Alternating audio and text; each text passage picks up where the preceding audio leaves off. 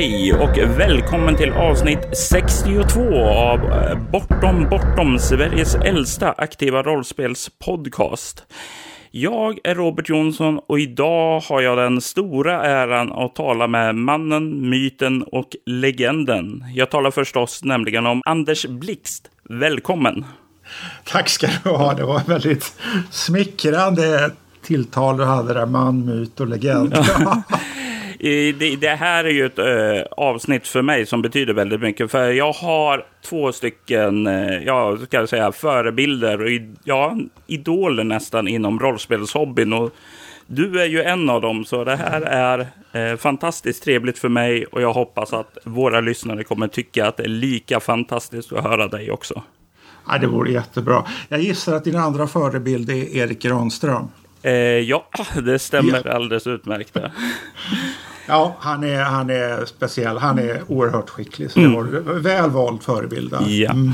Jag har ju faktiskt haft äran att träffa Erik Granström i person. Men det här är första gången jag talar med dig. Okej, okay. har vi aldrig mötts? Nej. Nej. Vi, jag var ju, du höll ju ett föredrag på Gothcon för många år sedan som jag verkligen, verkligen ville gå på. Men oh då var ju jag involverad och höll arrangemang så jag kunde inte gå. Så jag missade dig aj. då. Aj, aj, aj. Det måste varit 2002. Oh, det är... Sex, 16 år sedan. Mm, tid, tiden rusar på. Oh, mm. ja. Precis, precis. Jag brukar ju ta tillfället i akt och börja och eh, presentera vad gästen har gjort. Men om jag ska ta allt som du har varit involverad i så är ju det ett podcastavsnitt i sig. Eh, och bara läsa upp den här listan. Ja, jag förstår. Ja, precis. Den är så, listan är så lång så att jag har inte längre koll på allt jag har gjort. Det, har, det har liksom hänt att jag har plockat upp någonting och sagt det här ser bekant ut. Titta efter. Jo, det är faktiskt jag som har skrivit det här. För typ 30 år sedan eller något liknande. Oh, ja, precis. Ja. Så det, är ju, det är ju inte riktigt ja, det säger ju volymen som du har mm. varit involverad i. Och eh, jag, jag, tänkte kanske ta och skruva här. Om du skulle vilja ta upp några av de sakerna som du ser som dina främsta alster, som du håller lite närmare hjärtat. Vad skulle ja. det vara då? Ja, först och främst expertdrakar och demoner. Och det för mig är en sån lite märklig upplevelse. För det var det första spelet jag utvecklade själv ordentligt, professionellt. Och det är det som folk kommer ihåg mig för. Eh, och det är alltså 1985, så det är 33 år sedan.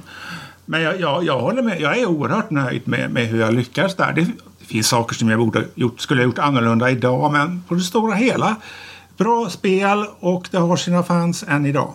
Mm det är ju något som också dyker upp väldigt mycket när man ser ditt favoritrollspel och så mm. Facebookgrupperna så är ju nästan alltid som Drakar, och Expert som ligger där uppe i topparna. Ja, ja det är ju fantastiskt. Så, så, så, sett i backspegeln. Så det, och vad ska jag ta upp mer som jag är oerhört nöjd med? Eh, jag gjorde en massa material till Viking på 90-talet. Jag skrev världsbeskrivningen och bakgrundsmoduler. Och det är jag också väldigt nöjd med. Det var ju culture gaming där man skulle liksom leva sig in i vikingakulturen. Mm. Och det var jag och sen litteraturvetare som hette Mats Blomqvist som jobbade tillsammans där. Och vi gjorde mycket bakgrundsresearch. Jag kommer ihåg att jag läste förskräcklig massa vikingasagor. Och jag känner mig när jag ser tillbaka på det, mm, där fick vi till det. Vi fick fram exakt det vi ville ha det som var beställt av oss. Och, och, folk var ju väldigt nöjda med just den här fornordiska känslan vi fick fram. Sen eh, kan vi se vidare. Gondika som var mitt första helt egna projekt på, på 90-talet. Jag försökte göra mm. ett, ett fantasyspel som inte var medeltid utan postmedeltid. Och, jag känner, och det, blev, det blev liksom, det fanns mer musköter, oceangående segelfartyg och slags fantasyångmaskiner. Och eh, jag blev väldigt nöjd med det. Det sålde lite sisådär så det blev ju ingen större hit. Men det kan man åtminstone känna mig väldigt nöjd. Ja, det är ju väldigt, väldigt skillnad på vad man eh, känner personligt att det här, det här klickade mm. med mig och sen vad som blir en succé. Det är ju inte nödvändigtvis samma sak. Exakt, så är, så är det. Så är det verkligen. Ja, ja eh, och sen och på senare tid så skrev jag för ett par år sedan ett sci-fi, rollspelet sci-fi tillsammans med eh, Thomas Arfert.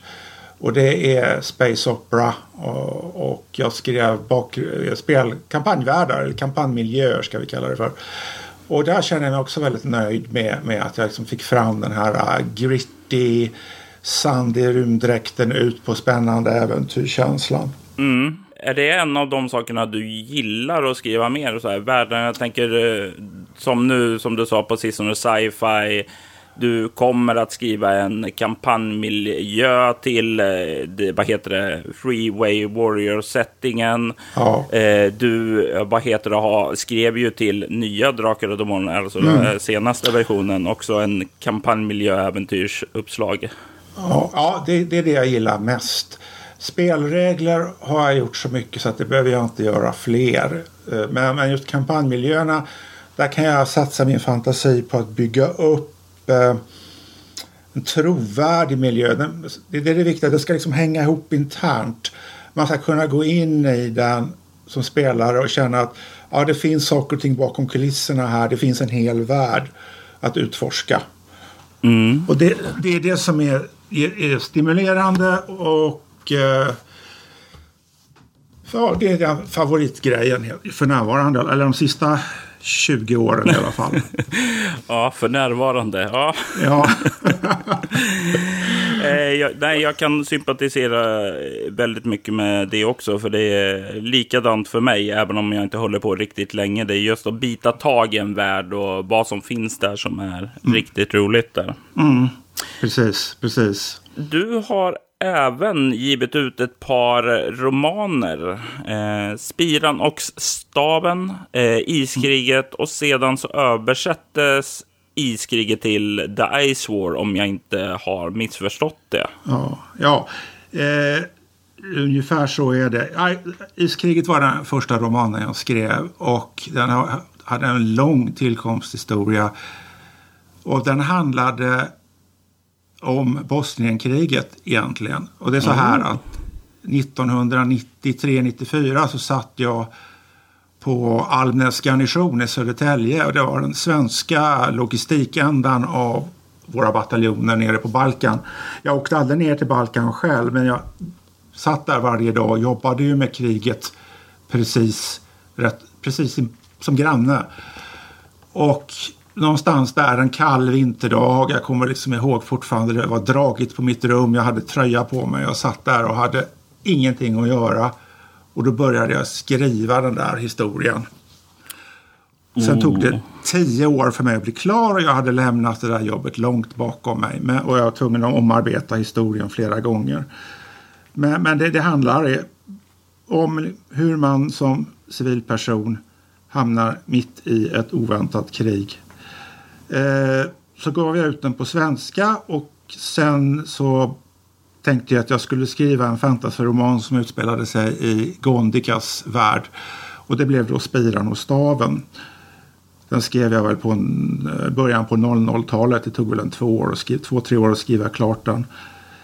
Efter det så började jag skriva på engelska, saker som aldrig blir klara. Och orsaken jag skriver på engelska är att jag är tvåspråkig. Jag har en engelsktalande familj. Jag pratar engelska med mina barn.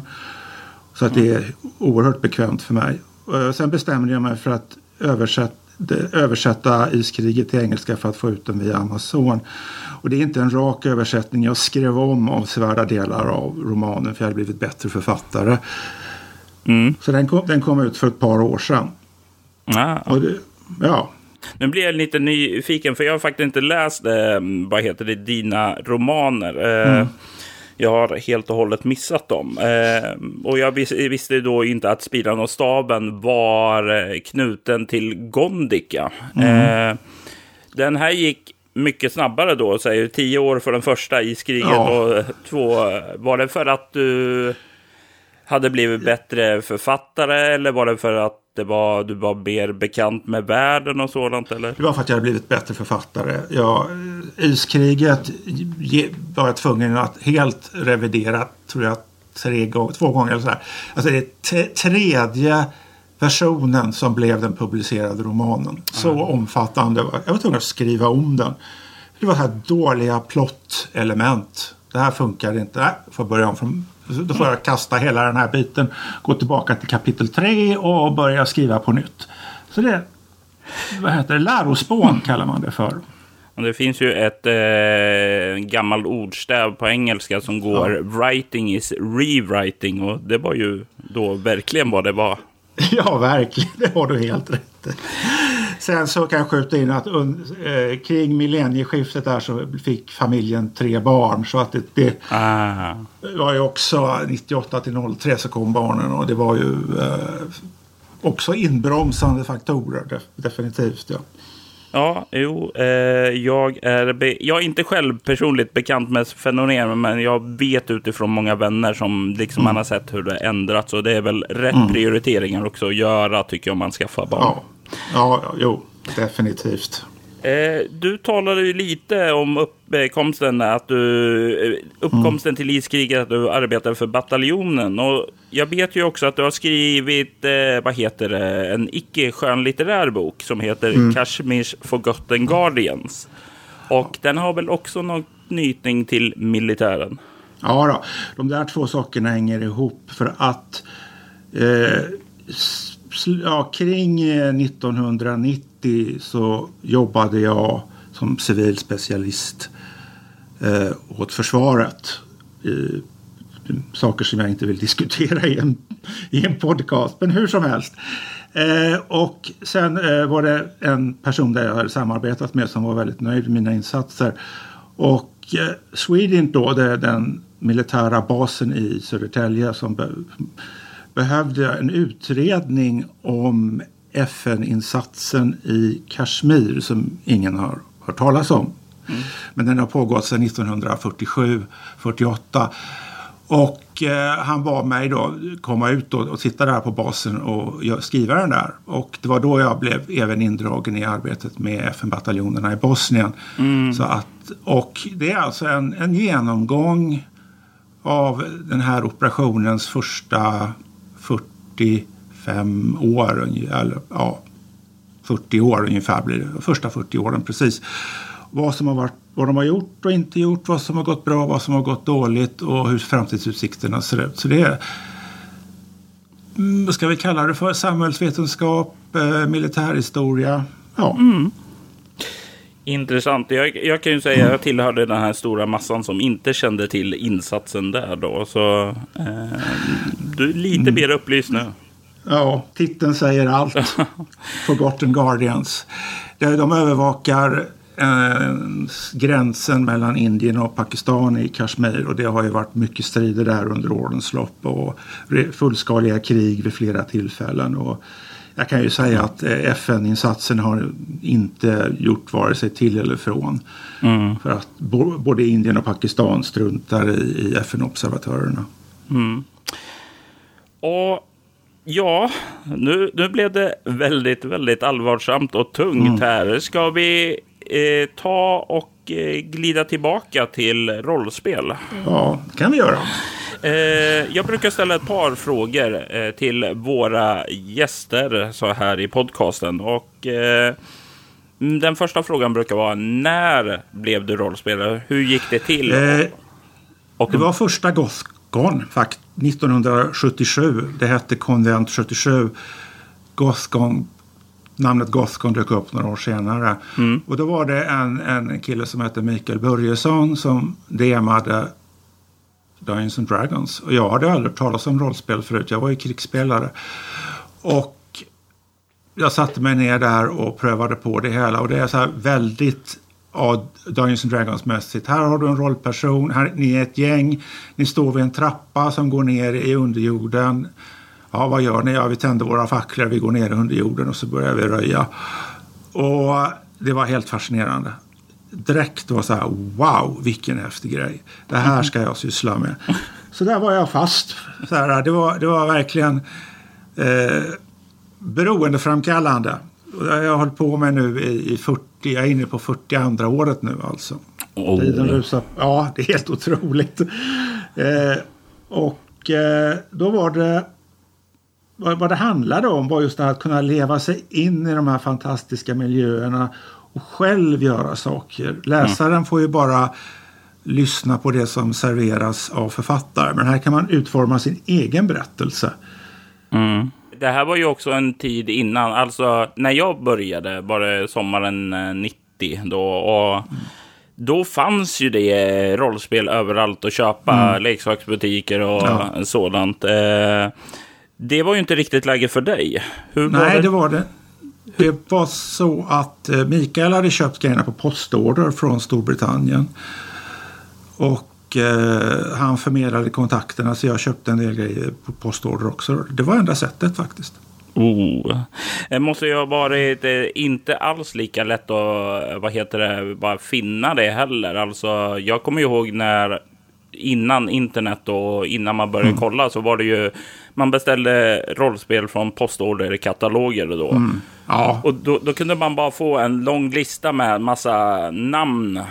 Ja. Och, och, sen bara, jag har ingen aning om vad det här betyder eller vad det är för någonting. Men det låter mm. tufft. Ja, ja men så, så var det ju. Att, och det fanns väldigt få produkter att mm. köpa då. Jag menar, 1977 så tror jag Dungeons and Dragons, då, originalversionen, bestod av fem, sex tunna häften i A, ungefär i A5-format. Uh, eh, och sen kom Traveller som var tre häft, tunna häften i samma format. Ja, så det, det var väldigt lite som fanns. Mm. Uh, färdiggjorda äventyr kom ett par år senare. Så här i början då, så kan du säga att det fanns ett begränsat utbud, men mm. ja, under din tid nu som rollspelare så har ju väldigt, väldigt mycket hänt. Nu finns det ju hur många produkter och böcker som helst där. Ja. Och eh, lite så här nyfiken, har, har du varit så här testat väldigt mycket genom åren då, ja. eller har du fastnat för några som du har ja. särskilt hållit dig till? Alltså, vi i mitt spelgäng så föredrar vi att bygga våra egna kampanjer. Eh, vi använder det här procentbaserade Basic Role Playing systemet, Drakar, Demoner, Svarta boxen, mm. till allting. Eh, så att jag har prövat på oerhört mycket kampanjmiljöer men väldigt få spelsystem. Mm. Och, men kampanjmiljöer, då har vi ju kört de här klassiska. Vi har kört Star Wars och eh, vi har kört High Fantasy, så här AD&D fantasy. Vi har kört i Tolkiens Midgård. Ja, och, ja, så jag kan inte, och så har vi kört väldigt mycket snutkampanjer i olika miljöer. Det är någonting vi är roade av. Det har varit, vi har varit Pinkerton-detektiver i vilda västern eh, landsbygdspoliser i förbudstidens USA. Eh, snutar i, i, Los Angeles på 1990-talet. Ja, och eh, militärpoliser i Storbritannien under andra världskriget. Mycket historiska miljöer där. Som ja, ja det, det, det, vi gillar sånt i mitt spelgäng. Mm. Vi brukar kalla det för Hollywood-historia. Vi, tar ut, vi tar ut svängarna en del i alla fall. Eh, det man är med om, är, liksom, det finns ju ingen i verkligheten som har varit med om så mycket som rollpersoner kan vara med om på en kort tid. Oh nej. Oh nej. Mm. Uh, ja, det här gör ju att jag, jag, ser ju varför du kanske gillar att skriva kampanjmiljöer nu för tiden istället för ja. regler då. Ja, verkligen. Ja. Eh, och det gör ju min nästa fråga kanske lite, ja mina två nästa frågor ja. lite lättare för dig att svara på. Ja. Vad är ditt favoritrollspel så gissar jag att det är den här eh, grundbasala D mekaniken då. Ja, alltså, det är ju själva spelsystemet. Mm. Men om man ska ta ett, ett, ett spel som sådant så är det ett amerikanskt spel som heter Space 1889. Där man är viktorianska äventyrare på ett Mars med kanaler och marsianer och ruinstäder och mysterier och mycket annat. Och det, det, det där har vårt, mitt spelgäng kört av och till sedan 1990. Mm. Alltså vi har, vi har kört, skulle gissa på 300-400 äventyr i den där miljön. Och det är jättespännande och alltid lika roligt. Och det är faktiskt det senaste vi spelade. Vi hade kört en vad vi kallar för en, en kampanjdel. Alltså en, eh, typ 15-20 sammanhängande äventyr. Som vi avslutade för ett par veckor sedan. Sen, om, par, om några veckor ska vi spela någonting som eh, liknar Firefly. By, byta miljö helt och hållet. Mm. Eh, jag brukar ju också ställa frågan, eh, berätta om en minnesvärd upplevelse från en rollspelsomgång. Och nu, nu är det, ja, som sagt var, över 30 års historia oh. som ska boilas ner i ett ögonblick. Alltså det, det mest bisarra, det mest häpnadsväckande jag varit med om, det var jättelänge sedan, det är slut på 80-talet. Vi spelade en musketörkampanj vi var i Tyskland under 30-åriga kriget. Vi var tre stycken musketörer. Vi kom ridande på en väg. Och på en kulle i närheten så dyker det upp några personer som ställer upp musköter och skjuter på oss. De missar alla tre. Vi är heroiska musketörer, vi piskar våra hästar, svänger av mot dem och ska hoppa över diket vid vägkanten och galoppera upp för kullen all, samtliga tre ryttare fumlar och faller ner i diket. De som står uppe på kullen står och gapskrattar åt oss, berättar spelledaren. Och det här är ju en tid där ära är väldigt betydelsefullt. Så vi som musketörer inser vi att det här är fruktansvärt pinsamt. Vi får inte lämna några vittnen efter oss. Så vi drar våra värjor, rusar upp för kullen och ja, har ihjäl de här banditerna då som har skjutit på oss. Bara för att de inte ska kunna berätta vad som hände. Åh, oh, det är sådär äkta ögonblick bara. Okej, okay, this never happens. ja, precis. Men om man har spelat i rollspel i, i 40 år så händer ju någon enstaka gång händer ju sådana här fullständigt horribla saker. Oh ja, oh ja. ja. Eh, ja. Det påminner lite grann om, vad heter det, en gång när jag spelade just Drakar och Demoner, jag tror det var expert också, eh, Svavelvinter. Och de är där och ska förbi, ja, upp mot draken. Eh, och ska kasta, eh, deras magiker ska kasta en besvärjelse. Eh, fumlar och får en hjärnblödning. Oh. Och det är liksom, de drar sig tillbaka. Eh, vaknar upp sådär, eh, yr och groggy. Jag bara, jag är för svag, för svag. Ja, men du måste testa igen. Fummel ah, igen. Nästa ah. hjärnblödning. Då dör han väl. ja.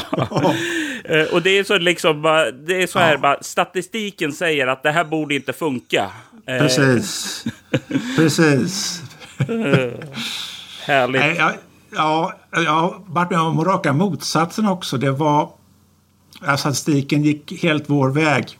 Det var, vi var i en romersk kampanj och vi var i, i Kappadokien, ligger i nuvarande centrala Turkiet, som kejsarens agenter.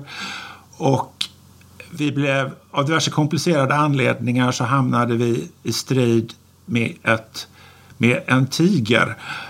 Uh, ja, och vi var inte särskilt välrustade för det. Men en av spelarna han, han spelade en romersk uh, officer och han var en hård karl. Han drog sin gladius och tog upp skölden och anföll tigern. Och slog till och tärningen rullade. Ja, träffar i huvudet. Ja, vad slår du? Ja, maxskada. Så, innan tigern ens hade hunnit göra något så hade den alltså fått maxskada i huvudet från en gladius som då var en direkt dödande träff. Ja. Det är ju så fantastiskt. Just ja. det här slumpmomentet som kan ja. vara att det kommer någonting som man aldrig, aldrig har trott. Oavsett ja, om precis. det är lyckat över förväntan eller totalt mm. nattsvart mörker. Ja, ja visst, visst, visst. Du, jag tror mm. vi har fått lite pejl på dig, din historia och så. Men vi kommer ju gå igenom lite grann av din historia när vi kommer in på temat. Så mm. ska vi göra det? Ja, visst så gör vi. Så gör vi.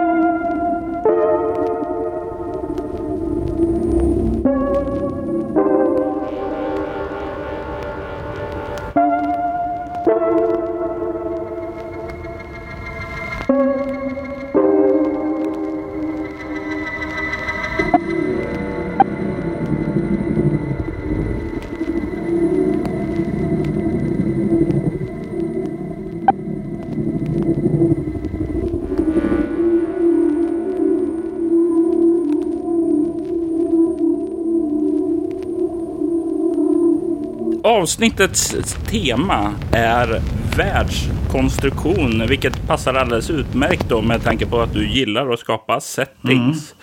Och du har ju varit involverat i så många eh, olika rollspel genom åren där, så jag tänkte vi skulle använda lite grann dem som en röd tråd för eh, diskussionerna. Mm, mm, mm. eh, men om vi skulle ta och hoppa tillbaka till eh, din tidiga år som rollspelare. Mm. Alltså mm. många rollspelare har ju skapat sina egna världar. Och eh, jag tänkte om du skulle kolla, tänka tillbaka. Kommer du ihåg vad den första rollspelsvärlden som du skapade var? Ja, det var ett kampanjkosmos till Traveller 1978. Och det var innan Traveller hade publicerat sin officiella sättning Tredje imperiet. Så att då, skulle jag, då byggde jag upp ett, ett rymdimperium så här klassiskt alla Asimov med kejsaren. Och det var absolut inte Star Wars utan det var väldigt mycket Asimov. Och eh, vi var ute i utkanten på det här med diverse eh, out, delvis utforskade, delvis outforskade världar. Eh, teknologin var inte sådär jättehög, mycket pionjäranda så det blev lite, lite vilda västern eller lite, ja, lite 30-40-talskänsla i science fiction-miljö. Mm. Spännande. Hur länge, eh, eller jag kanske ska fråga om, ja. eh, spelar ni DNO överhuvudtaget? För jag minns ju själv min första konstruerade värld hamnade ju på skrivbordet men kom aldrig ja. vidare till speltest eller så. Den här spelade vi i. Jag drev eh, två kampanjer i, den här, i det här kampanjkosmos under åren 1978 till 82. Det tog slut därför att jag flyttade till Lund för att studera och då upplöstes mina spelgrupper. Mm. Så det, var, det, blev väldigt, det blev ett par hundra äventyr i, i det där kosmoset eh, under årens lopp. Oh, mäktigt. Mm.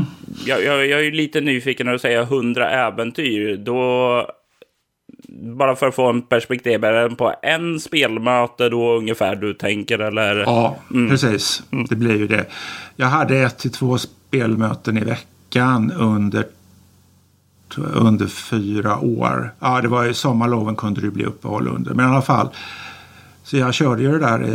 Det blev väldigt mycket där då. Mm. Jag, jag, gjorde lumpen under tiden också. Då var det så här. Var jag ledig på helgerna så var det bara rollspel som gällde. För det var så tråkigt att göra lumpen.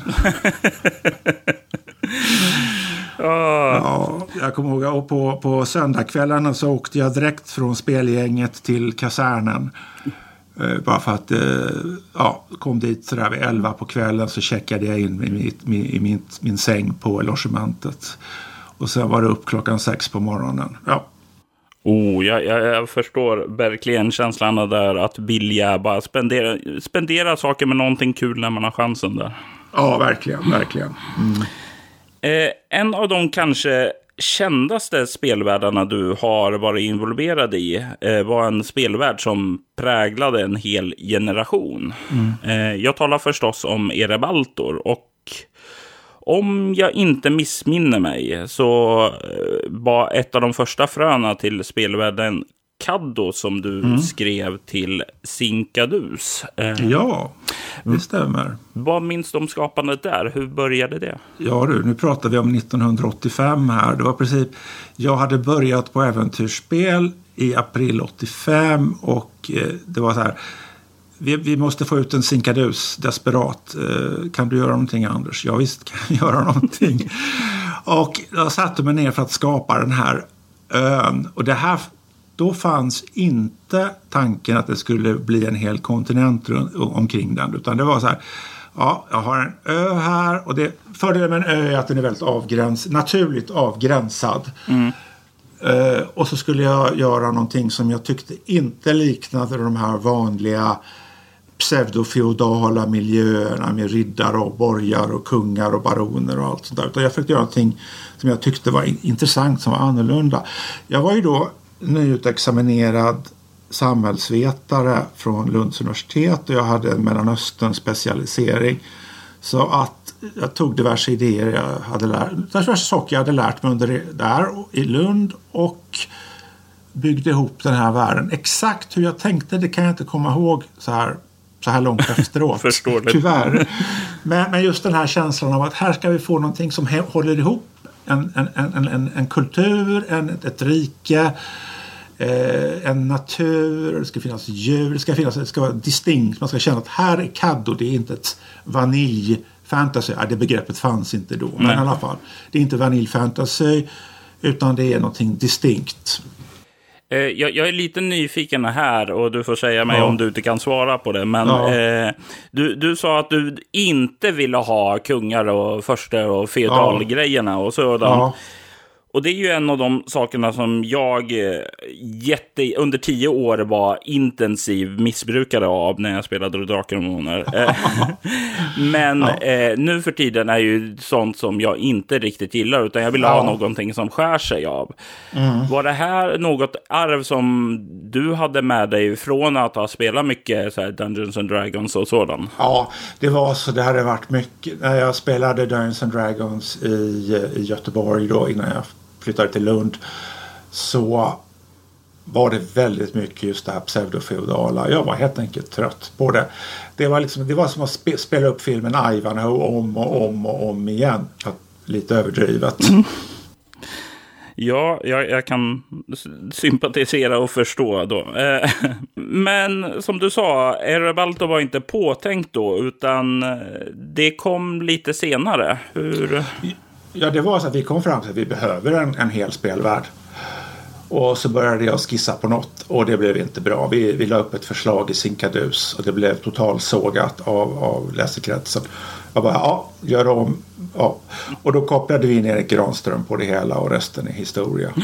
Erebaltor har ju så många olika saker och hookar som man kan gå igång. Du har ju, ja. vad heter det, det feodala i, nere i Kardien och Sorakin. Eh, mm. Du har ja, eh, det norra Ransard som är ja. liksom barbarrike. Och sen har du Granströms fantastiska Trakorien och ja. eh, min absoluta favorit var ju när jag var ung, Cereval och de här liksom musiken med trollen, Månsilver och Drakmästarna mm, mm. där.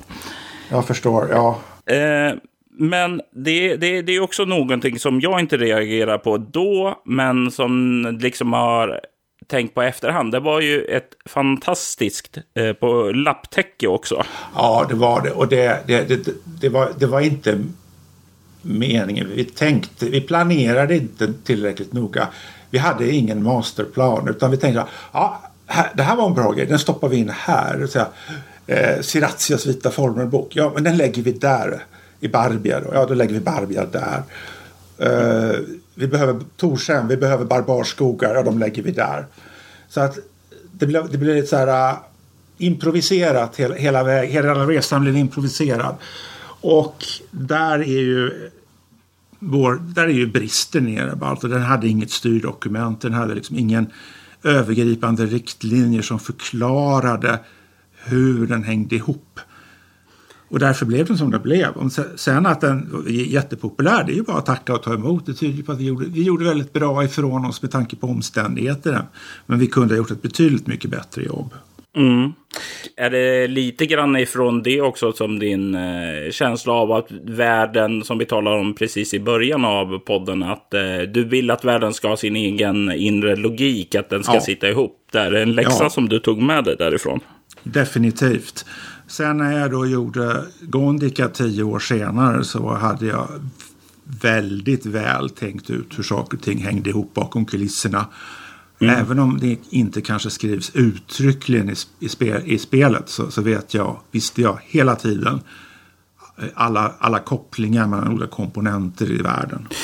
Och det där är väl en sak som också jag tänker är rätt viktig som spelskapare. Att det viktiga är ju att du vet hur varje beståndsdel fungerar. Mm. Du, inte nödvändigtvis så att du måste skriva ut det, men om du vet hur det hänger ihop, då har du lättare att förmedla känsla och stämning kring det. Ja, helt riktigt. Så, så fungerar det. Mm. Kände du att det var någon mer eh, vad heter det, fällor ni gick i när ni inte hade några styrdokument och sådant? Det var väl någon slags eh, eskalation, kapprustning i, i häftighet. Ja, man, vi började liksom nere i vänstra hörnet då med, med Caddo och Berendien och eh, Sorakin och de här mm. Kardian.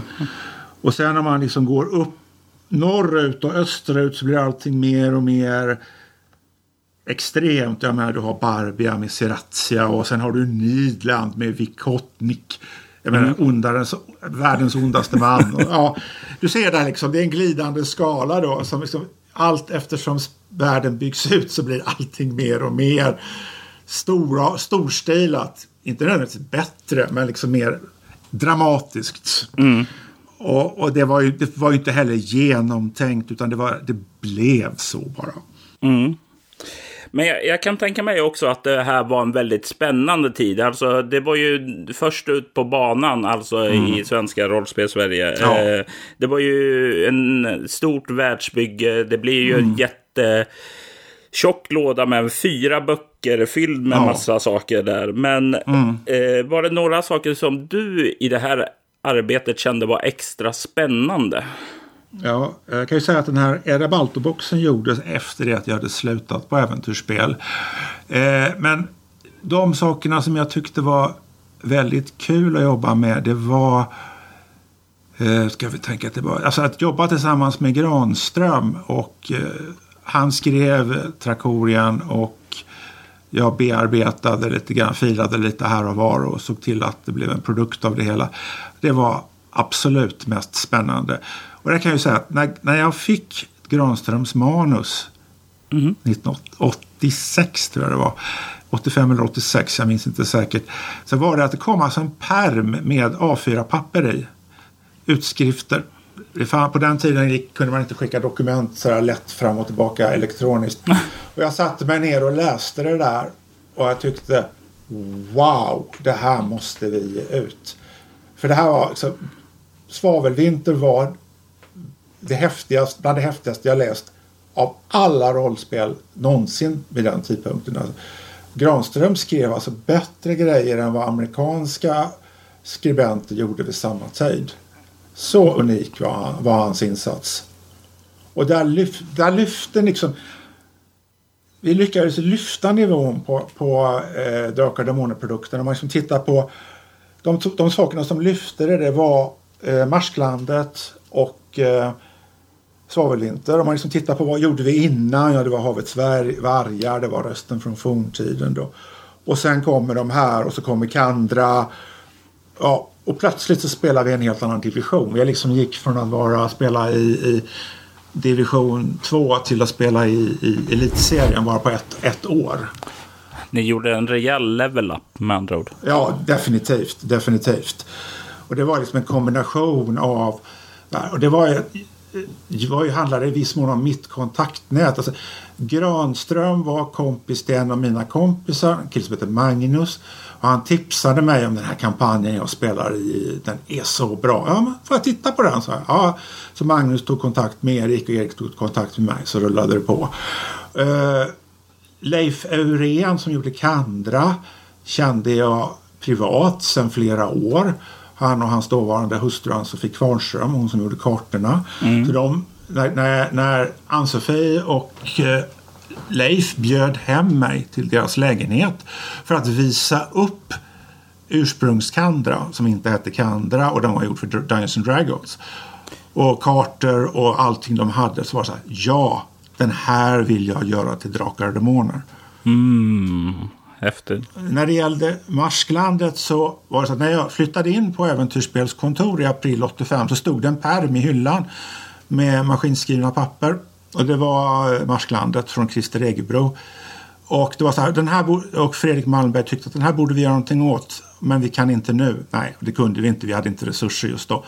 Men något år senare så tog jag ner pärmen från hyllan, läste igenom den, tog kontakt med Christer och sa att vi vill ge ut den här. Men vi kommer att utveckla den så att delar av det som kommer i Marsklandet-boxen det skrevs av Christer Regebro, annat skrevs av mig. Och det var bara för att jag skulle få upp, eh, liksom få upp den till Drakar och Demoner standard. Mm. Eh, också en modul som jag har haft väldigt, väldigt mycket roligt mm. med också. Både som eh, spelare och spelledare. Ja, jag spelade den för några kompisar bara för att test, testa. När jag liksom, vi hade gjort den Marsklandet, manuset var klart. Men innan vi skulle gå vidare i produktionen ville jag speltesta det. Mm. Så jag körde den och det var mycket trevlig miljö. Mycket intressant upplägg där med paddla runt i ett träsk. Det, jag tror inte det fanns no någonting annat, något liknande modul. Där har jag dessutom en anekdot när det gäller framsidan på boxen. Och det var att mm. vi kliade oss i huvudet på hur tusan ska vi få fram en bra bild till det här? Och så kommer ett nummer, nya nummer, så att The Dragon kommer till kontoret. Och det, det är den här bilden. Och vi tittar på den och vi konstaterar den ska vi ha. För det är exakt vad som finns. Liksom, det finns äventyr, det finns dvärgar, och det finns orcher, det finns träsk. Perfekt. Så att Fredrik Malmberg som hade bra kontakter, han hörde av sig till, till Holloway som hade gjort uh, bilden och Holloway sålde gärna de svenska rättigheterna till, till för bildens användning till oss för en hyfsat ja, vettig penning. That's it. Det var slumpens skördar verkligen. Där, där slog vi på något sätt nollet på tärningen.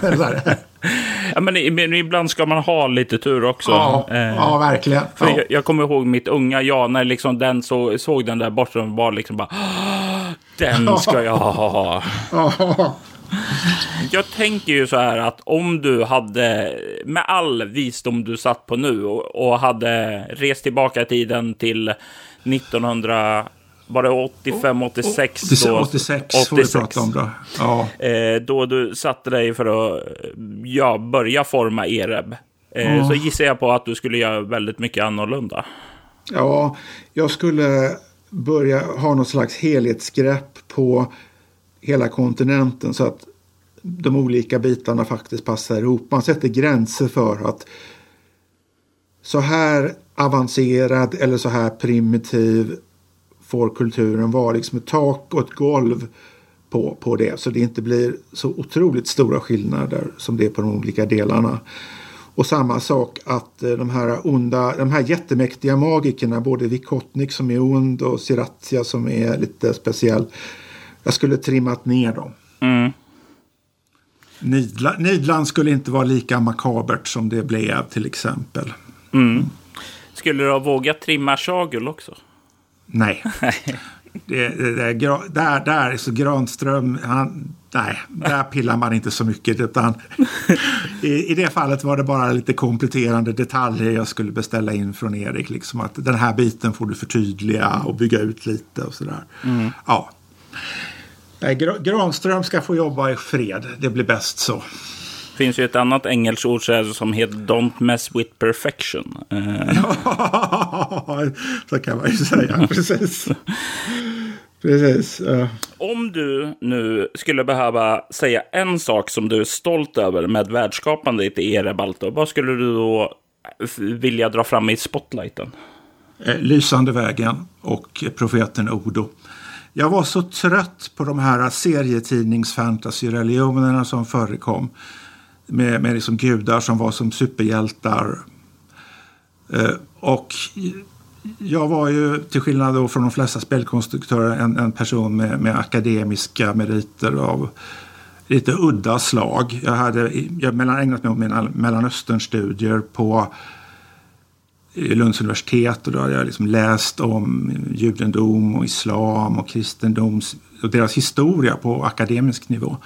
Så jag tänkte att nu ska jag faktiskt konstruera en, en, någonting som känns genuint. Som inte känns som någonting hämtat från en superhjälteserie. Och det blev Ordorden Lysande vägen. Och det är jag fortfarande väldigt nöjd med. Mm. Om vi ska ta och skifta lite fokus från ja. eh, det eh, fantasyn till efter katastrofen. Mm. Så har vi ju MUTANT 2 som Ja. du var liksom eh, involverad i att ta Ja. fram. Och det här var ju någonting som expanderade och drog fram tiden från det första MUTANT då. Ja. Eh, och om vi då, då inte fokuserar på de här, för det var ju en hel del nya regler, och, eller väldigt mycket nya regler och sådant, och hur du kunde strida och så. Men om vi vänder bort blicken därifrån och mot världsbeskrivningen. Hade du några särskilda mål du ville uppnå där? Jag ville skapa en värld där man kunde ha många olika slags äventyr.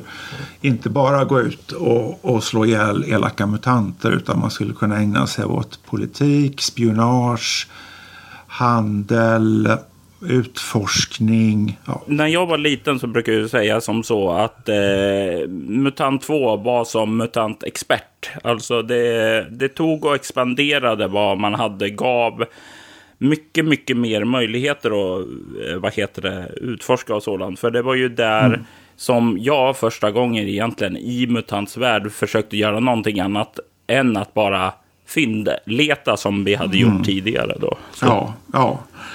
Precis. Där, då, då, då lyckades jag uppenbarligen med mina avsikter. Vad skulle du säga underlättar att bygga vidare på en världsbeskrivning från någonting som redan var etablerat i MUTANT? Vi hade, eh, Grå döden skrevs ju innan jag började hos Äventyrsspel. Och där introducerades den här världen, Pyrsamfundet och Ulvriket av Mikael Petersen och Gunilla Jonsson. Och det, jag gissar att det bygger på deras egna, egna kampanjer. Jag vet inte säkert. Och sen skrev Karin Fredriksson den här historiken och de här fyra epokerna som finns med i MUTANT 2. Tidig upptäckarålder, sen upptäckarålder och så vidare. Eh, och det byggde jag ju vidare på och det var väldigt intressant för att eh, det fanns liksom korn. Ja, men, så jag tyckte så här, mm, det här skulle man kunna göra någonting åt och det här skulle man kunna göra någonting åt och så bygga på det hela. Eh, Men samtidigt så var det ju väldigt mycket 80-talshumor. Vi drev ju hejvilt med det samhälle vi levde i. Så att idag skulle en hel del av skämten förmodligen vara obegripliga eller bara platta för en, en läsare. Eh, ja, men så, så är det ju. Vad heter det? Mycket med, så särskilt när man drar in referenser och sådant. också. Ja. ja, precis. Det finns liksom referenser till någon skvallerjournalisten Anka av Skinka. Och det, det låter ju, men det fanns alltså en dam som hette Agneta von Schinkel som skrev i Svensk Damtidning på den tiden. Så det var givetvis direkt drift med, det, med den saken då. Och, och sen, sen det här, finns, någonstans finns det en referens till nya, någonting som heter Nya polska köket på en restaurang. Och det var på 80-talet fanns en, en, en trend i restaurangvärlden som kallades för det nya franska köket. Vilket bestod av två korslagda ärtor på en tallrik. Lite spydigt. Man fick väldigt små, väldigt, man fick väldigt små portioner. Det var ju inte alls roligt. Så här, det var ju kul att driva med det. Men det skulle vara litet och dyrt och smaka väldigt gott. Ja. Vad ba- ba- Vad skulle du säga, eh, vad heter det, var den stora skillnaden till exempel eh, och eh, bygga vidare eh, på det här MUTANT då, gentemot att skapa någonting helt nytt från, eh, vad heter det, grunden som BID till exempel eller Baltor? Pros and cons. Pros är att man, man vet var man står någonstans. Man har liksom en stadig grund. Man har de här parametrarna som jag pratar om. Liksom, vad går och vad går inte? Och så kan man bygga utifrån det. Nackdelen är ju då att kan ju, man kan ju ha bra idéer som inte går att använda för de passar inte in. Mm. Så att det, det, är väl, det är väl de två stora, skill- två stora olikheterna. Mm.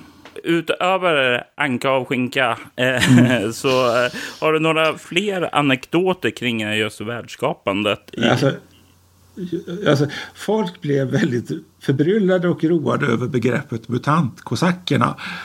som, som jag hittade på själv. Jag, jag kan liksom inte komma ihåg hur, hur det gick till. Jag satt och ritade den här kartan över MUTANT-Skandinavien som finns med i MUTANT 2-boxen och fyllde i diverse tomma rutor. Eh, på den tiden så fanns ju fortfarande Sovjetunionen, det var kalla kriget. Ryss-Sovjet sågs som någonting så här lite, lite lätt hotfullt vid den östra horisonten.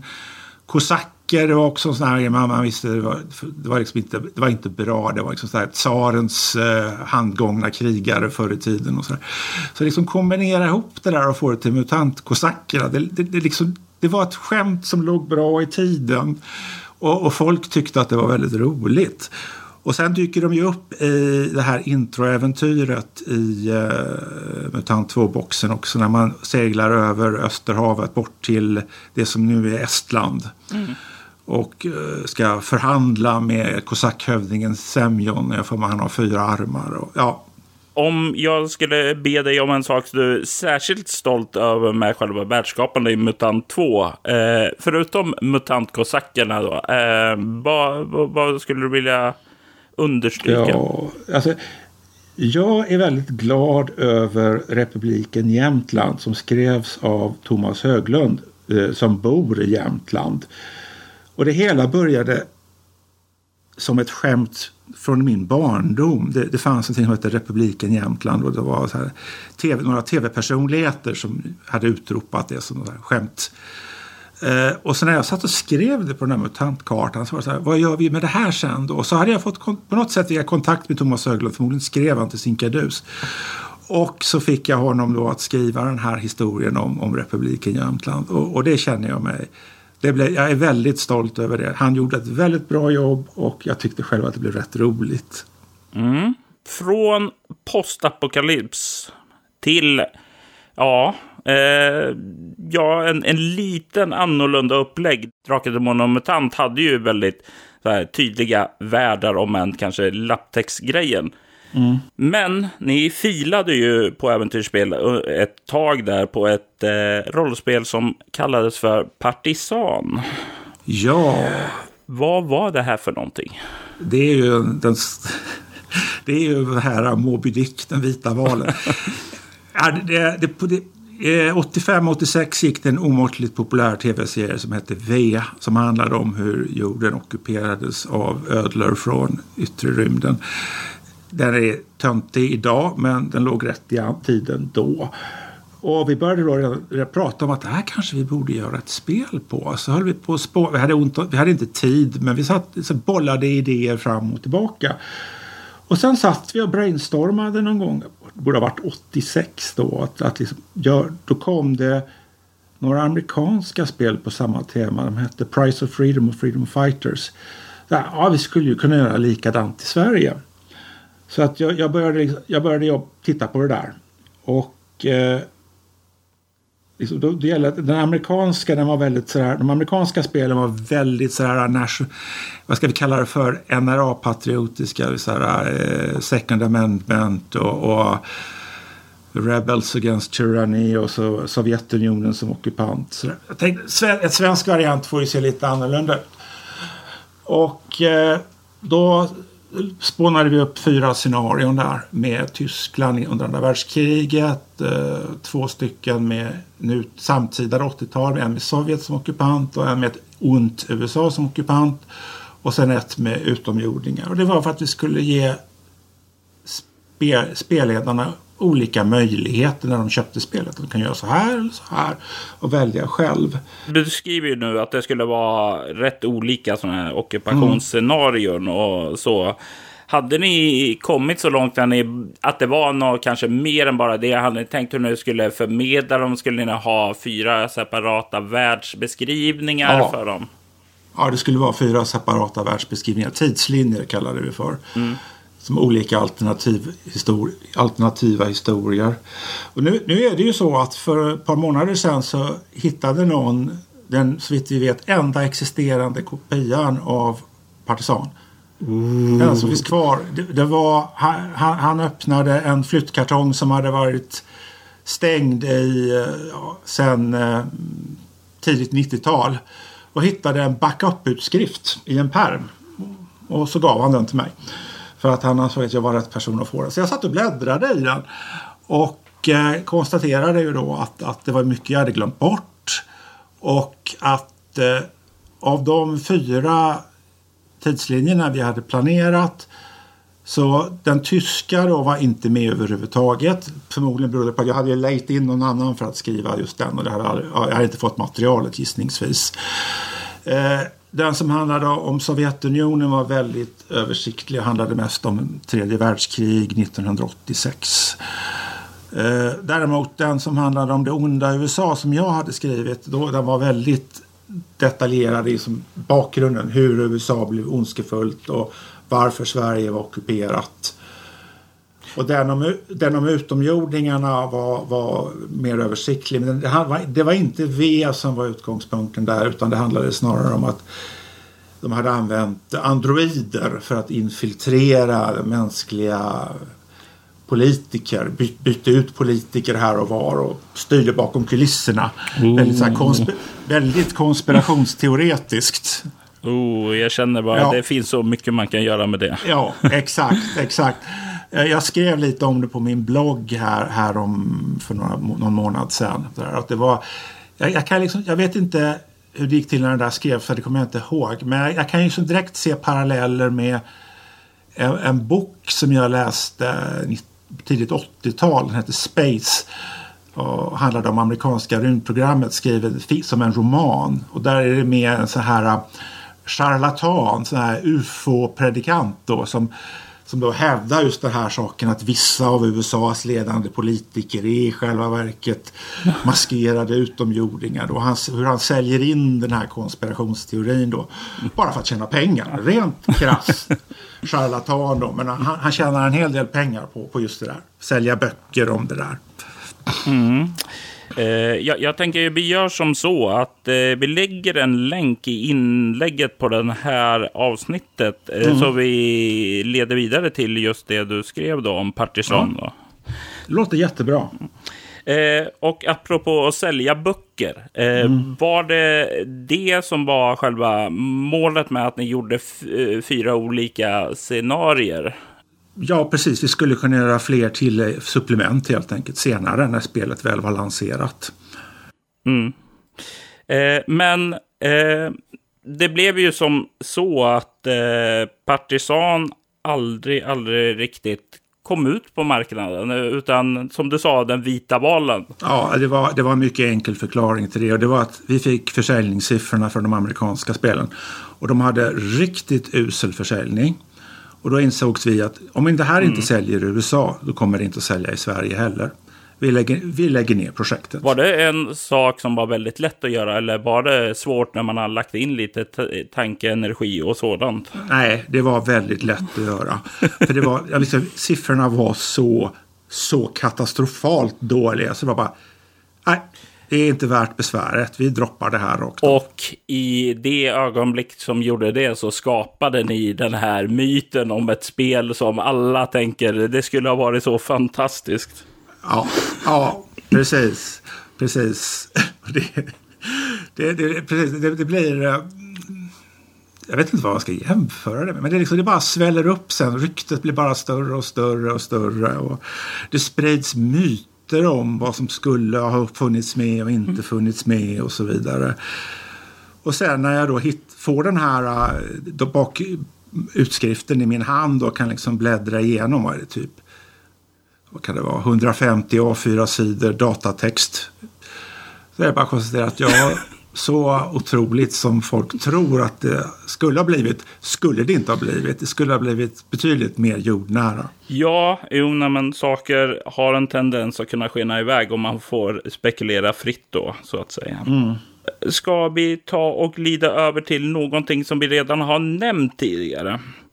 Det här var ju efter du hade lämnat äventyrsspel och sådant och satt i din egen stol. Och du har ju redan talat om Gondika mm. lite grann här. Ja, det, det, var att jag skulle vilja göra mitt rollspel. Här är liksom ett, ett spel som är precis som jag vill ha det. Helt, då hade jag helt egen kontroll över allting i det. Och eh, det kändes som en intressant utmaning. Det här var, då hade eh, familjen ännu inte fått några barn så jag hade rätt mycket fritid. Så att mm. eh, jag bestämde mig för att satsa på det här. Mm. Och du, vi har ju redan presenterat lite grann vad det var för typ av spel. Eh, mm. Men Ba, ba, vad skulle du mm. vilja säga var de här stora läxorna från din tid på äventyrsspel och de andra sakerna du hade skrivit efter det, alltså med skapa världar? Ja, det, det jag hade lärt mig var det här viktiga att ha en sammanhållen vision från första början. Men det här är världen. Den har de här komponenterna. Den har de här möjligheterna. Man kan göra så här, men man kan inte göra så där. Så att eh, allting ska hänga ihop från första början. Det var det viktigaste jag hade med mig. Du säger komponenterna. Är det några särskilda komponenter du tycker man ska tänka på när man sätter sig och skapar en värld? Ja, världen har en, en, en historia. Den har en, en, en metafysik. Alltså finns gudar, finns inte gudar? Hur hänger gudarna ihop med världen? Mm. Eh, och eh, har, världen, har världen skapats för något syfte eller bara finns den? Eh, vad är magi? Vad är möjligt med magi? Vad är inte möjligt med magi? Mm. Ja, sådana saker. Mm. Eh, var det något särskilt du ville uppnå med världen i Gondika? Jag ville skapa en värld där man kunde ha många slags äventyr. Inte bara vaniljfantasy utan det skulle kunna vara utforska, handla, upptäcktsresor, politik. Eh, ja, en, en riktigt äventyrsvärld. Mm. Just det här med att vara fri ifrån någon som säger hur det här ska vara och du själv får bestämma över det. Var det någonting som du kände blev svårare med själva arbetet där när du skapade det än när du var involverad och till exempel anställd av äventyrsspel? Nej, jag tyckte nog inte det var någonting som var svårare faktiskt. Det, det, det trevligaste var ju att jag kunde göra som jag själv ville. Eh, det jag saknade det var att vi, vi gjorde en hel del marknadsundersökningar på äventyrsspel. Eh, så vi hade rätt hyfsat bra pejl på vad kunderna ville och speciellt vad de inte ville ha. Det saknade jag ju helt och hållet när jag gjorde Gondica. Och det kanske hade varit bra att ha. Då hade jag kunnat lägga to- betona vissa saker som jag kanske inte betonade lika mycket. Och sätta vissa saker åt sidan. Ja. Mm. Men marknadsundersökningar, menar du de här enkäterna som alltid följde ja. med sinkaduserna då? Ja, de enkäterna. De var väldigt givande för oss. Vi fick in massor med, med, med, svar och vi kunde bearbeta dem statistiskt. De här betygssättningarna som visade vad folk var intresserade av och inte intresserade av. Det, var, blev, väldigt, det, var, det blev väldigt lyckat. Ja, det kan tänka mig. Mm. Eh, andra saker som var skön dock, eh, förutom att eh, ja, sakna en chef som säger du får inte göra så. Eh, var det några andra saker som du kände där? Det var väldigt skönt att vara själv med. Ja, alltså, det var det här att jag kan själv bygga ut saker och ting. Efter, det är ju så här, kreativiteten kommer ju i, i, i, i vågor. Mm.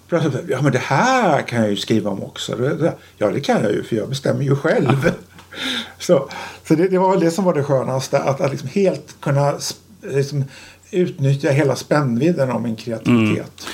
Det är ju, där är ju också någonting som kan vara farligt också om man inte har disciplin mm. och sådant där. Att man spinner mm. iväg så att du antingen förlorar greppet eller sätter dig i en ja. ekorrhjul där du aldrig blir klar med spelet för du bara expanderar och expanderar. Eh, exakt, exakt. Uh, och uh, där hade jag ju tack och lov tillräckligt mycket erfarenhet och disciplin för att undvika just det problemet. Jag visste vad jag ville ha med och, och så skrev jag det. Mm. Uh, skulle du ha några särskilda anekdoter från själva världsskapande i Gondika? Nej, den, den, bästa anekdoten jag har är en helt annan historia. Det var så här, det var ju, jag hade ju använt ett helt gäng frilansare som gjorde ditt och datt. Gil, Anders och Tove Gillbring, Åke Rosenius, Dante Algstrand, Magnus Säter.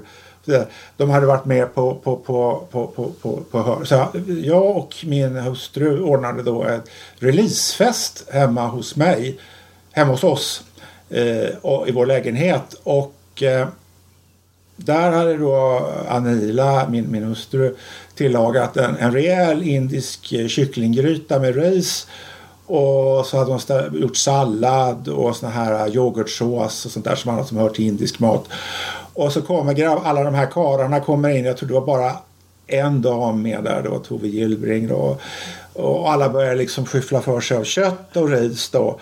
Och så tittar jag ut över hela och säger jag att ja, det märks att vi är en massa karlar här. Ingen har tagit av salladen. och det blev lite generade skratt där och så kom folk och plockade av, åt sig av salladen också. Ja. ja. ja mm. Och om du nu så här många år efteråt kollar tillbaka på Gondika. Ja. Eh, vad skulle du säga att du var stoltast över med det?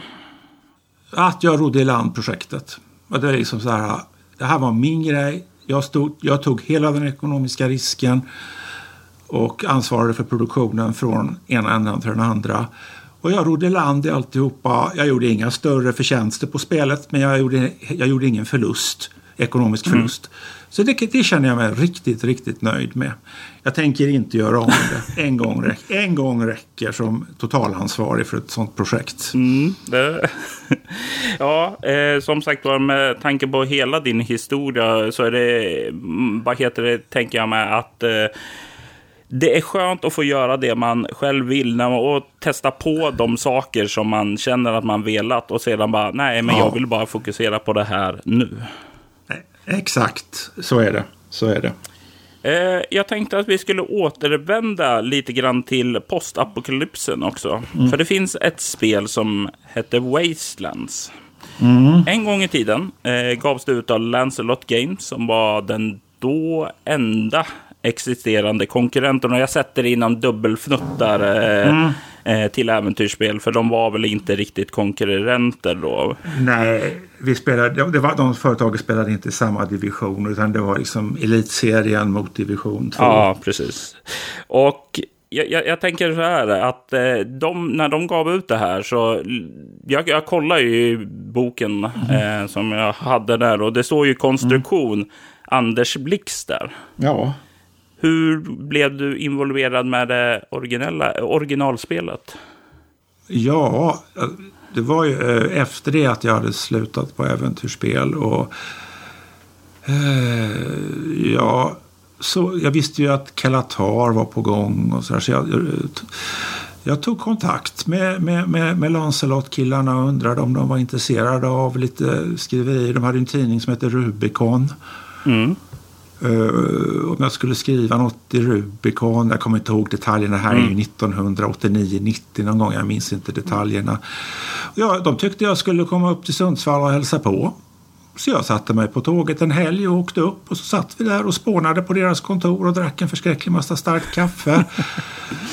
och eh, någonstans där, och där måste jag, jag minns inte hur det gick till. Jag, så kom, så kom idén om Wastelands upp. Det var liksom det, vi satt där, vi var väl fem, sex personer.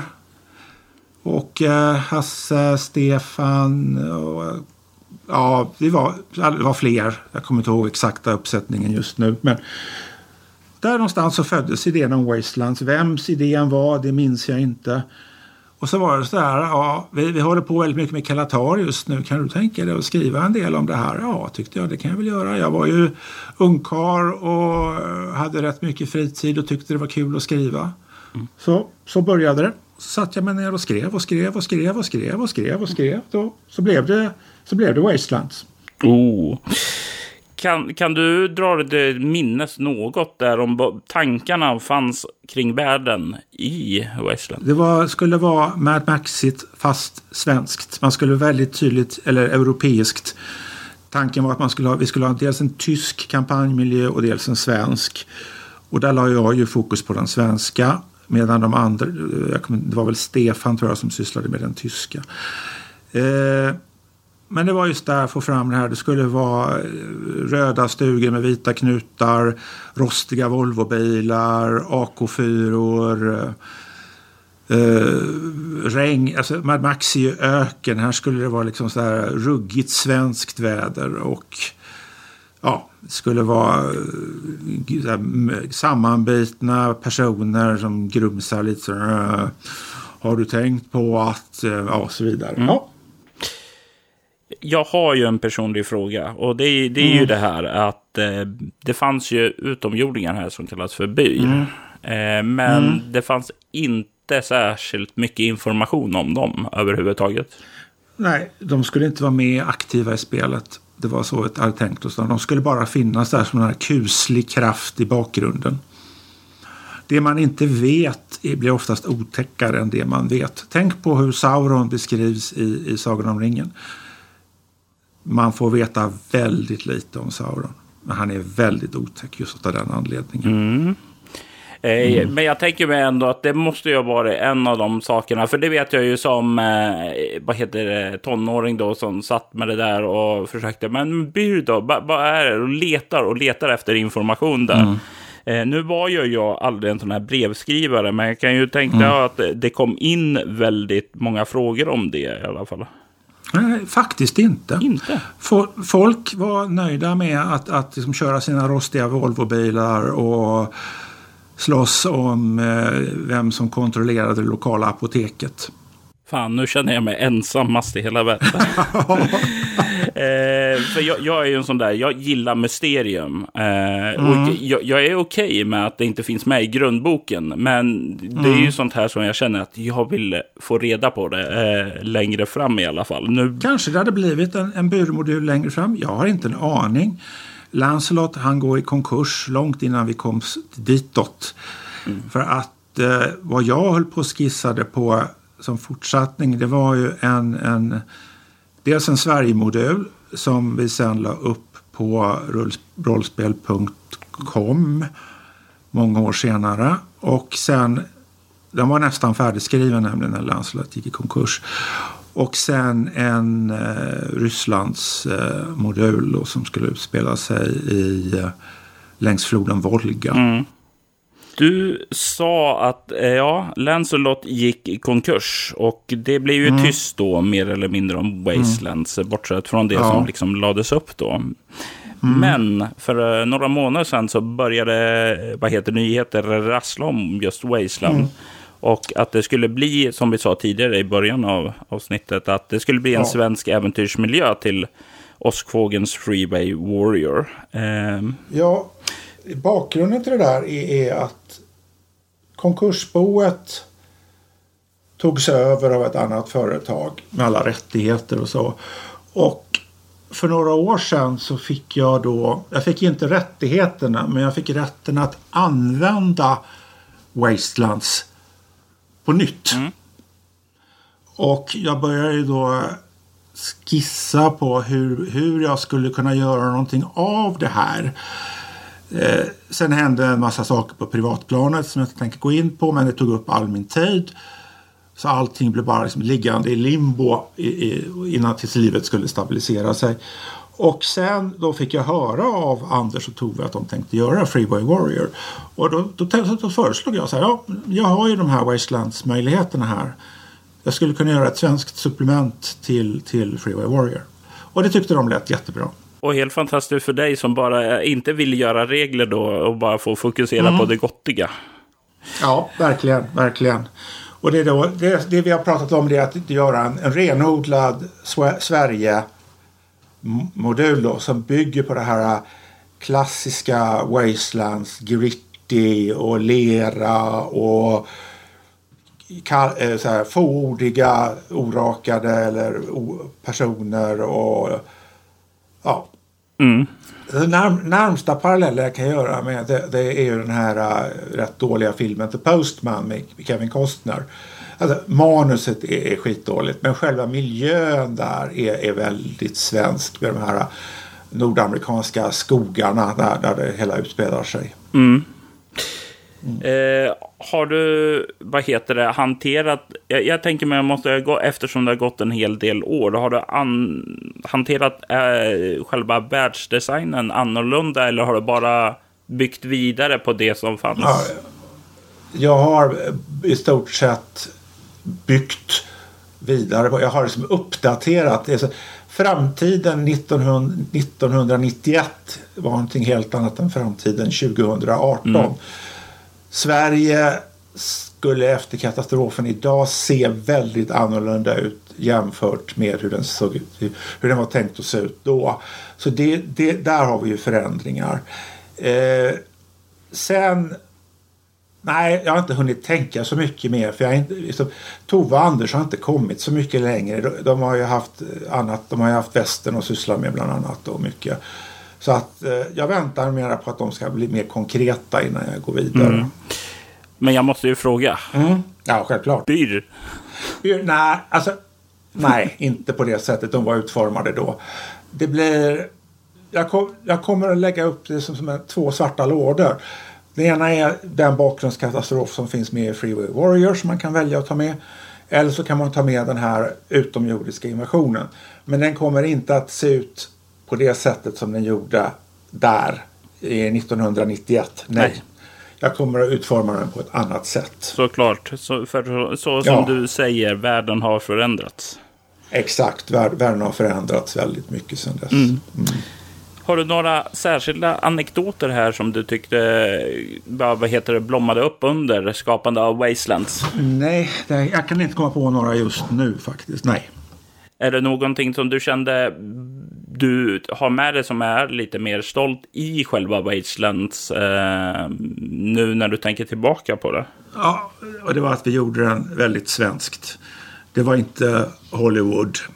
Utan det var, det var Eh, jag vet inte, känner du till regissören Lars Molin? Oh ja, jag är filmvetare ja, i grunden så... Ja, då, då förstår du. Det här är liksom Lars Molin gör Mad Max. Fantastisk pitch. Ja, ja verkligen.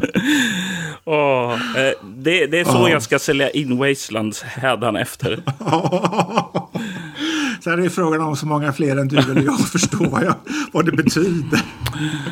Men det är liksom tre kärlekar och det är den här med mjölkpallen och, och så vidare. Ja. Oh ja. ja. Eh, om vi skulle ta och börja avrunda avsnittets mm. tema då, så skulle jag vilja fråga dig, av alla de världar som du har varit involverad i och skapa genom åren, mm. det här är ju långt ifrån allt, eh, kan jag tänka mig. Så eh, vill jag ändå fråga, vilken av dem ligger dig varmast om hjärtat och varför? Ja, eh, Christer Sundelin och jag gjorde för 15 år sedan ungefär en spelvärld, kampanjvärld som heter Lemuria som var 30-tals Indiana Jones miljö.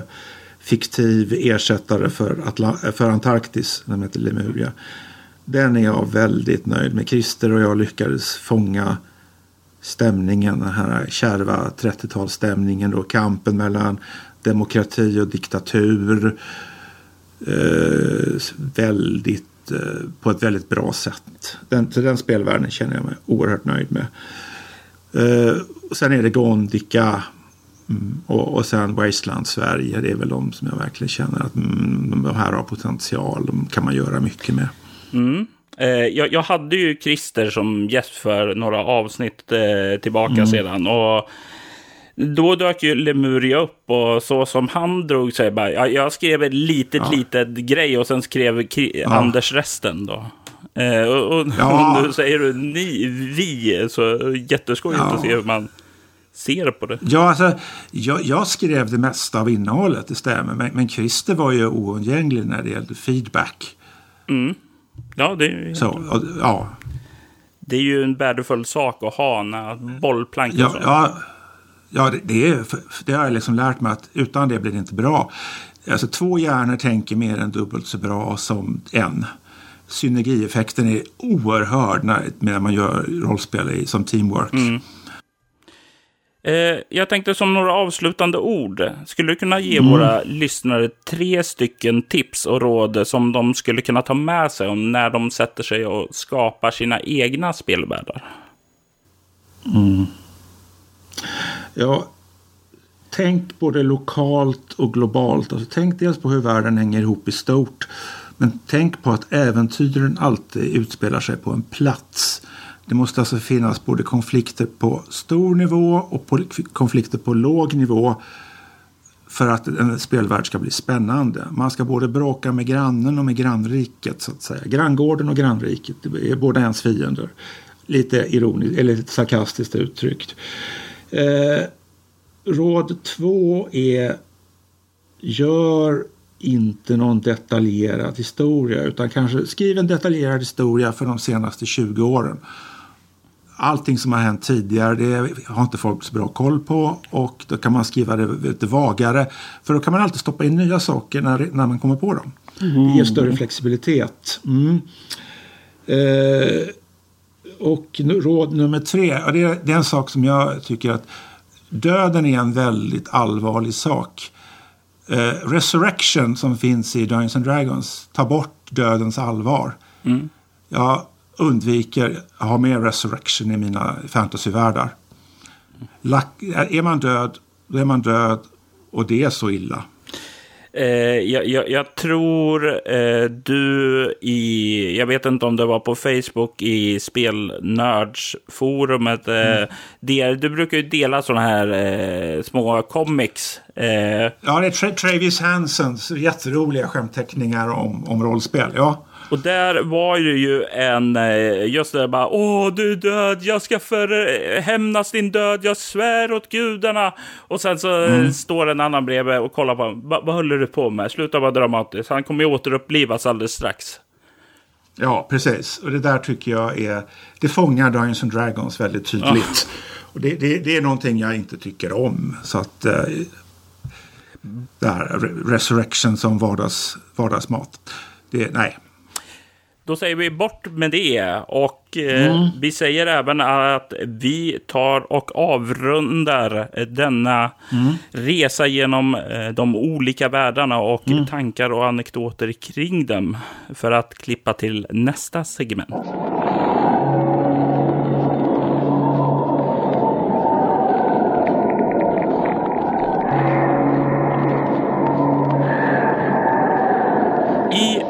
Denna sektion så brukar jag och min gäst berätta vad som just nu pågår i våra skrivarstugor.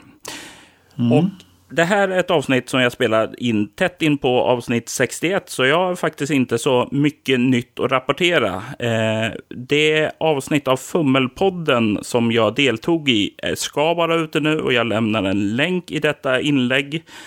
Där kan ni höra mig och tala om skräck, men i övrigt har jag inte så mycket mer, utan ni kan gå till förra avsnittet för att höra vad jag pysslar med. Men vad vi är mer intresserade av att höra, Anders, är ju vad som pågår i din skrivarlya. Mm. Jag håller för närvarande på att skriva Sorgeveden, vilket är en skogskampanj till Hjältarnas tid, eh, Christer Sundelins fantasyrollspel. Och det är en riktigt rejäl eh, sagoskog, så här mörkmården jättelik. Från granar i norr till djungel i söder. Och eh, det är så här, sa, det är sagofantasy då med troll och orcher och skatter och alver. Och eh, man åker flodbåt eh, genom eh, bland de täta, täta trä, eh, skogsmiljö. Ja. Jag, jag får, får, eh, vad heter flashbacks här tillbaka till marsklandet och så åka flodbord. Och... Ja, precis. Det, det, ja, precis. Det finns vissa paralleller där. De, alltså det, det är skog istället för träsk. Mm. Och det, gra, urskogen är ju en väldigt viktig sak för svenskar. Jag menar, en stor del av landet är ju täckt av tjock barrskog. Mm. Så, I våra sagor är alltid skogen någonting mystiskt, någonting hotfullt och det använder jag helt och fullt i den här kampanjmiljön. Sen har jag varit väldigt noga med att liksom, ge den olika utseenden då. Den tjocka granskogen i norr och sen kommer man längre söderut så blir det bockar och ekar och sen blir det pinje och cypress och så längst söderut så kommer man i djung, ren djungel. Så man kan få väldigt olika äventyr. Låter spännande. Ja, och sen ska jag skriva ett introäventyr till nya Chock. Och eh, där fick jag rätt så fria händer av, av Björn så, på Eloso. Och jag valde då att skriva i sent 80-talsmiljö. Alltså det, den tid när äventyrsspel höll på att göra ursprungliga chock. Nu kommer inte företaget Äventyrsspel att figurera överhuvudtaget i den här kampanjen. Men det bygger rätt, väldigt mycket av mina minnen av Stockholm under, under sent 80-tal vilket var en, en börshajar och spekulationer och Sverige gick på högvarv och det hela slutade ju pinsamt i en ekonomisk krasch i början på 90-talet och 15 procents arbetslöshet. Men just de här 80, 87, 88, 89, alltså full fart, full fart i Stockholm. Mm. Och det, det ser jag fram emot. Det gör jag också. Mm. Då eh, så får jag tacka så mycket för den insikten i vad du pysslar med för tillfället. Och mm. med det så börjar vi närma oss slutet på detta avsnitt. Mm. Vill ni komma i kontakt med Bortom så kan ni göra det på bortom.nu där ni hittar inlägg till detta avsnittet och även länkar till saker vi har diskuterat. Ni kan även hitta Bortom på Facebook och ni kan finna, vad heter det, Bortom på att spela Bortom på Twitter, Google Plus och Instagram. Ni kan även mejla oss på info.bortom.nu. Anders, om man vill komma i kontakt med dig eller se lite vad du har skrivit och sådant, eh, var vänder man sig då? Eh, du börjar med min blogg The Dream Forge som finns på gondika.wordpress.com. Där skriver jag om allt mellan himmel och jord men det är mest om rollspel och science fiction. Eh, om ni vill komma i kontakt med mig direkt så finns, kan man göra det på presentationssidan på, på min blogg. Och man kan även gå till Facebook till diskussionsforumet Spelnörd och hojta efter mig så dyker jag upp där. Mm. Ja. Och jag får säga att det har varit ett stort fantastiskt nöje att eh, få ta lite av din tid och tala med så många intressanta spel som du har varit med och skapat, Anders. Ja, det är alltid kul att, att, prata minnen från den gamla guldåldern där. Och när jag ser tillbaka på, jag har varit 42 år i branschen, det känns väldigt, väldigt speciellt. Du, det, det är 42 år i branschen, så kollar man tillbaka, jag fyller 40 i år. Alltså det, mm. jag, jag, jag, har bara, jag har existerat mindre år på denna jorden vad du har varit rollspelare. Ja, tiden rusar på ja. ibland. Ja, så är det. Men jag hoppas att eh, du har haft det trevligt här. Ja, tack. Och att ni lyssnare har också haft det riktigt trevligt och lyssnat på vad eh, Anders Blix har haft att berätta. För det är i alla fall jag. Eh, och med det så säger vi... Hades!